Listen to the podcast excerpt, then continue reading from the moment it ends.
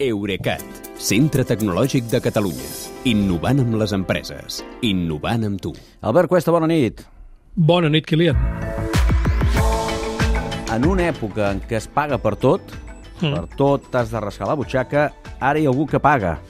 TikTok paga als usuaris que s'instal·lin la seva nova aplicació? Fins a 7 euros per donar-te d'alta a TikTok Now i iniciar-hi sessió durant 7 dies. I també et paguen per cada usuari nou que els portis. Aquesta TikTok Now eh, és la còpia xinesa de Be Real, que és aquesta xarxa francesa que va estar de moda l'estiu passat i que només et deixa publicar una foto cada dia i només en el moment en què l'aplicació t'ho demani. D'aquesta manera, com que no tens temps de preparar la foto i a més no hi pots aplicar filtres, s'evita el postureig d'Instagram i queda tot més, diguéssim, espontani. Yeah.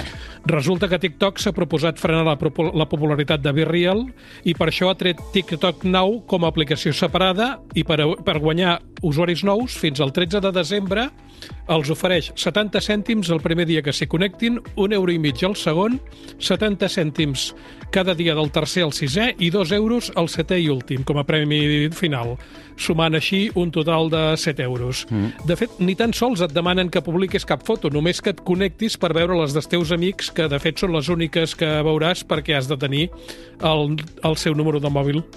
A més, parlant dels amics, si entens que no tenen TikTok Now i aconsegueixes que s'hi apuntin, també et pagaran alguna cosa. Dos euros per cada alta nova i 5 més si el nou usuari s'hi connecta també ell 5 dies seguits. Permetem, eh? com s'entén que mentre altres xarxes com Twitter estan pensant de cobrar-te, eh, es proposen mm. cobrar-te i TikTok et pagui? doncs perquè TikTok s'ha proposat fer-se un lloc amb el mercat de la publicitat digital i, de fet, va per bon camí. Aquest any preveu facturar 10.000 milions de dòlars en anuncis, que és el doble que l'any passat.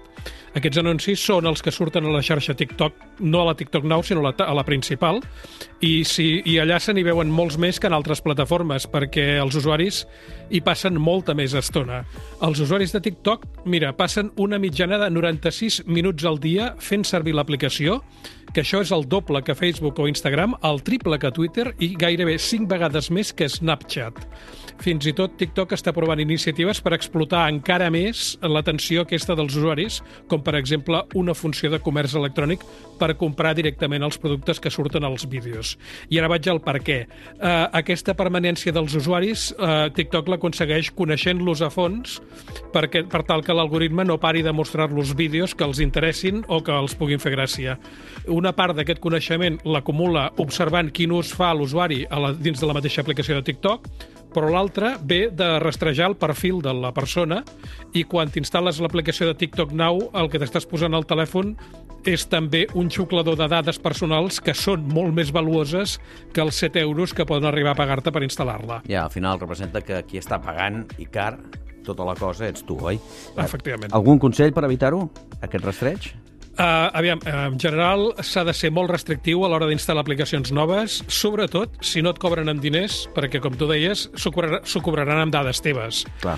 Uh, sempre és millor accedir als serveis amb el navegador web del mòbil, que no, normalment és més respectuós amb la privadesa. I quan no sigui possible això, que hagis d'instal·lar aplicacions, hi ha maneres de blocar la majoria dels seus codis de rastreig que inclouen. Als iPhones hi ha una funció de transparència que obliga les aplicacions a demanar-te permís per rastrejar-te quan les instal·les. I, és clar, la majoria de la gent diu que no dona el permís. I des d'avui, als Android, t'hi pots instal·lar el navegador DuckDuckGo, i activar una funció que es diu de protecció contra el rastreig, que fins ara només estava disponible per invitació.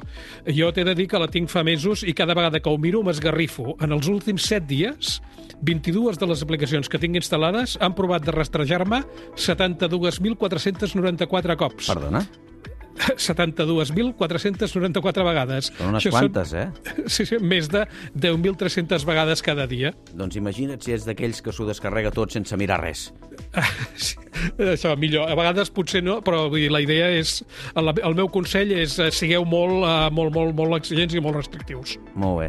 Doncs consell fet, secció feta, demà hi tornem. Que vagi bé, bona nit. Bona nit, Kilian, fins demà. Eurecat Centre Tecnològic de Catalunya.